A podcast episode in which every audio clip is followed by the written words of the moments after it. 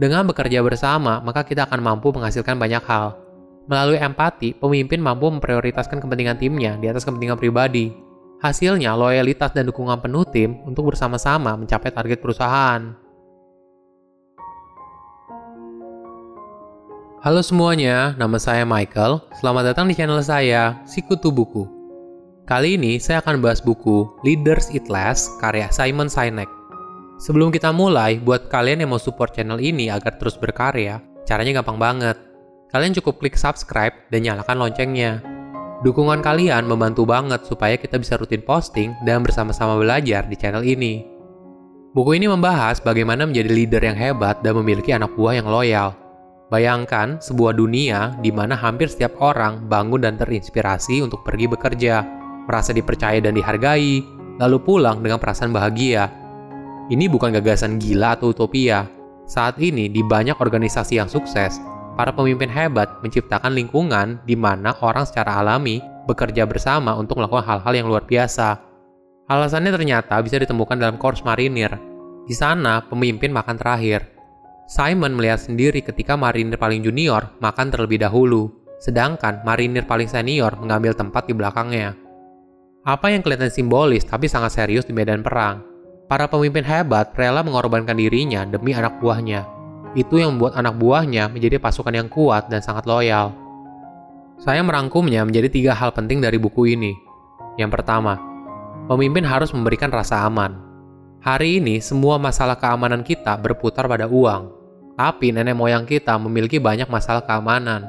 Mereka harus melarikan diri dari hewan buas, bersembunyi dari musuh, menghindari penyakit, mengumpulkan makanan, dan mencari tempat tinggal. Mereka baru merasa aman ketika bergerak dalam kelompok dan setiap anggotanya mampu melakukan tugasnya dengan baik.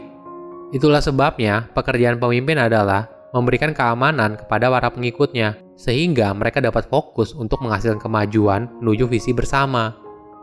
Di masa modern, ancaman keamanan bagi karyawan juga beraneka ragam, misalnya dipecat, dimarahi di depan umum, diintimidasi, politik kantor, dan sebagainya. Apabila karyawan tidak khawatir tentang ancaman ini, maka mereka dapat mulai berkembang dengan cepat.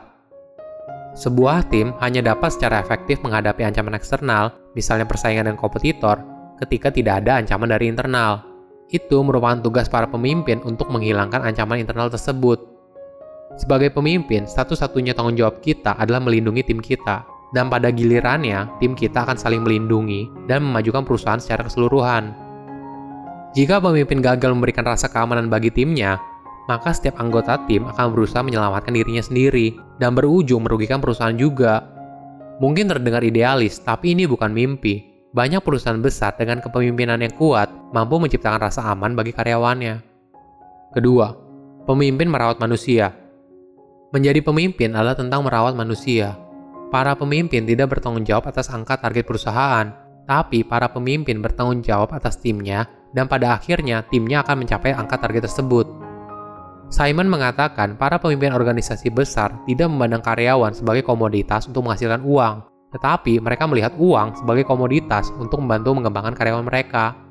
Ketika kamu dapat mengutamakan karyawan duluan, sebagai imbalannya, karyawan akan memberikan segala yang mereka miliki untuk membantu perusahaan tumbuh. Perusahaan yang sukses memiliki budaya yang kuat dalam menciptakan kepercayaan di antara para karyawannya. Kepercayaan adalah kualitas terpenting yang harus dimiliki setiap orang atau perusahaan untuk mempertahankan hubungan jangka panjang. Kepercayaan itu ibarat seperti pelumas yang berfungsi untuk mengurangi gesekan dan meningkatkan kinerja. Simon mencontohkan bagaimana budaya perusahaan yang kondusif dapat meningkatkan produktivitas perusahaan. Sebagai contoh, pada tahun 2008, teroris menyerang Taj Mahal Palace Hotel di Mumbai dan menewaskan 31 orang. Karyawan di sana mempertaruhkan nyawa mereka untuk menyelamatkan para tamu dengan membentuk cincin manusia di sekitar tamu dan kembali ke hotel untuk membantu menyelamatkan tamu lain. Rahasianya adalah saat para karyawan direkrut, hotel tersebut mengutamakan empati dan rasa saling menghargai daripada nilai akademis. Ketiga, menjadi pemimpin untuk jangka panjang. Menjadi pemimpin yang baik itu seperti latihan. Kamu tidak akan melihat perubahan signifikan dari hari ke hari. Jika kamu membandingkan perubahan dari hari ke hari, kamu malah akan merasa tidak ada gunanya. Tapi jika kamu membandingkan hasil usahamu sekarang dengan beberapa bulan yang lalu, maka kamu akan melihat perbedaannya. Ketika sebuah perusahaan terdampak krisis, kepemimpinan seorang leader diuji. Ada contoh menarik dari buku ini, yaitu tentang sebuah perusahaan global layanan manufaktur bernama Barry W. Miller. Ketika terdampak krisis keuangan, perusahaan harus mengurangi pengeluaran dan biasanya cara termudah yaitu melakukan PHK massal. Tapi Bob Chapman, CEO Barry W. Miller pada masa itu, tidak mau melakukan hal yang sama. Bob memilih jalan berbeda, yaitu dengan mengharuskan setiap orang, termasuk CEO, untuk mengambil 4 minggu cuti tanpa dibayar dalam setahun.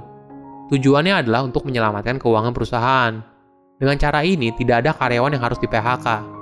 Hasilnya, karyawan di perusahaan menjadi semakin kompak, dan akhirnya mereka mampu melewati krisis tersebut. Dengan bekerja bersama, maka kita akan mampu menghasilkan banyak hal. Melalui empati, pemimpin mampu memprioritaskan kepentingan timnya di atas kepentingan pribadi.